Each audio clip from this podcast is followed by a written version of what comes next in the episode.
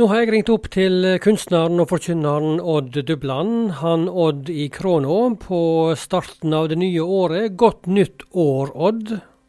Ja, takk for det, Inge, og i like måte.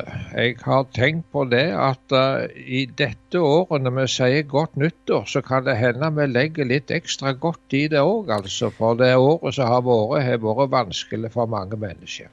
Det har det, og starten på det nye året, da er det meldinger om uh, nye forholdsregler vi må forholde oss til. Ja, jeg tror det er helt nødvendig, altså. Og det er visse ting som kanskje skulle vært gjort før òg.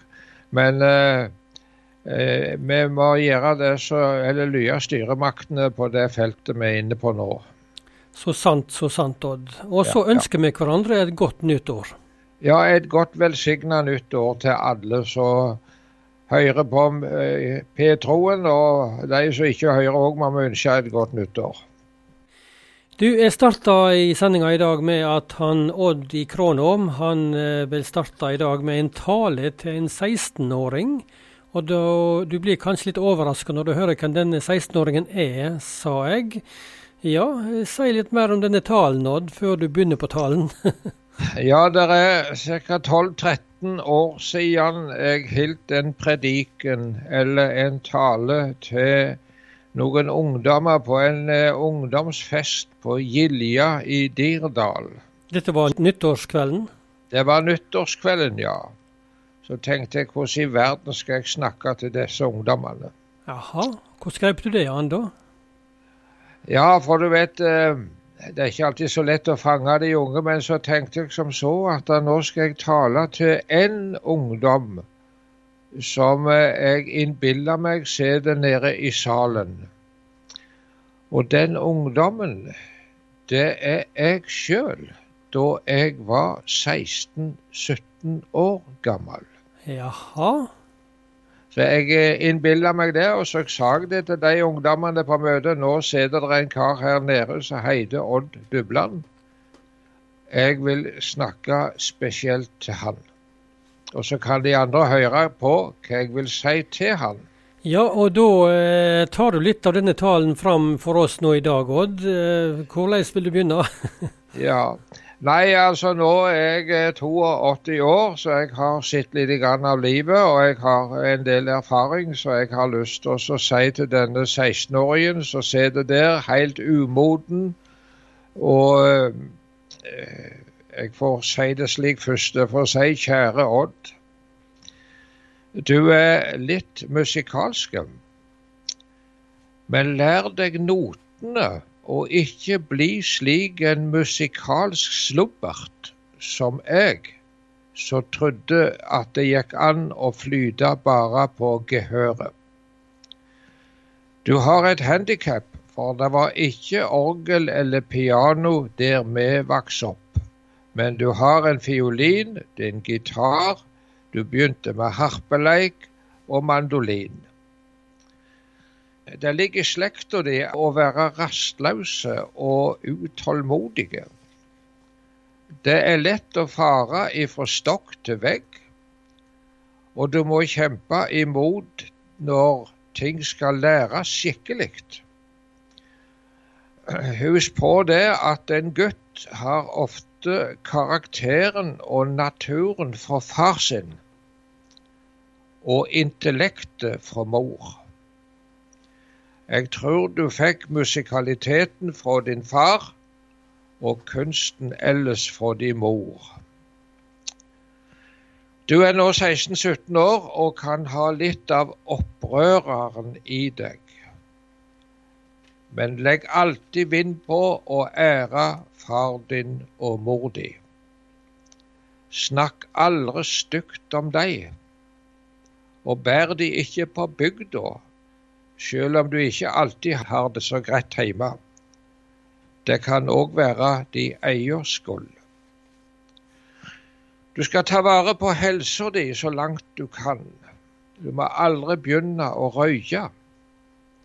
Da I dag vil eh, du ha spart 30 000 i året for å ikke gjøre det. Og så får du ei bedre helse og kanskje et lengre liv. Og du Odd, du må holde deg langt borte ifra rusmidler. Kanskje du tror at de kristne er sterkere enn andre og kan ha et mer avslappa forhold til alkohol. Nei, det er feil. Jeg har sjøl sett hvordan folk har blitt lurte i så måte. Legg vind på å lese gode bøker. Ja, ikke bare gode bøker. Les de beste bøkene av de som er sunne åndelig. Og vær ikke redd for å ta på deg tjenester i Guds rike som ikke er så synlige.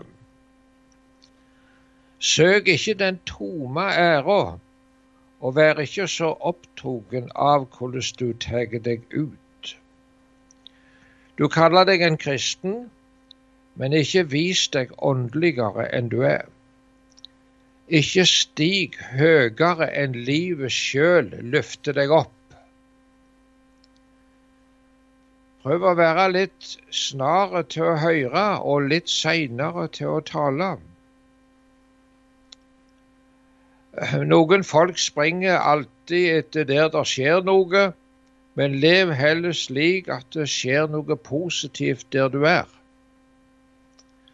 Jeg vet du har båret på et misjonskall ifra barndommen av, men husk på at det er viktigere å være en kristen der du er, framfor å tenke på hvor du skulle ha vært hen. Når du ser folk som det har gått gale for i livet, så gå ikke stolt forbi. Det kunne likså vel vært deg. Kanskje du fikk en bedre start enn deg. Så litt om forelskelse. Tross din unge alder så har du nok prøvd slikt, og både på godt og vondt. Og har du den sanne kjærlighet, så vil du som gutt og mann kjenne trang til å gi beskyttelse og godhet og respekt. Og hvis at kjenslene er uekte, da har du trang til utnyttelse. Temperament og natur kan være forskjellig, men livssynet må være felles med den du skal dele livet med. Og er det ei jente som skulle bli voldsomt glad i deg, så husk på at er den som blir elska, som er den sterke og har ansvaret, og ikke den som elsker. Den som elsker, er den svake.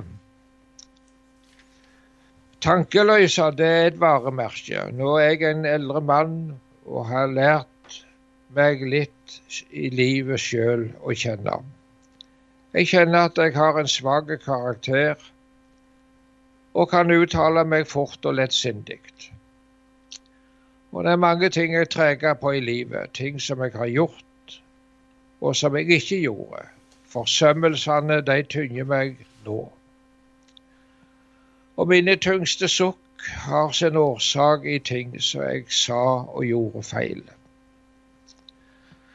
Og hvis du blir talt til rette, Odd, så lær av det, ikke gøym på fornærmelser og hån. Det er en vanskelig kunst.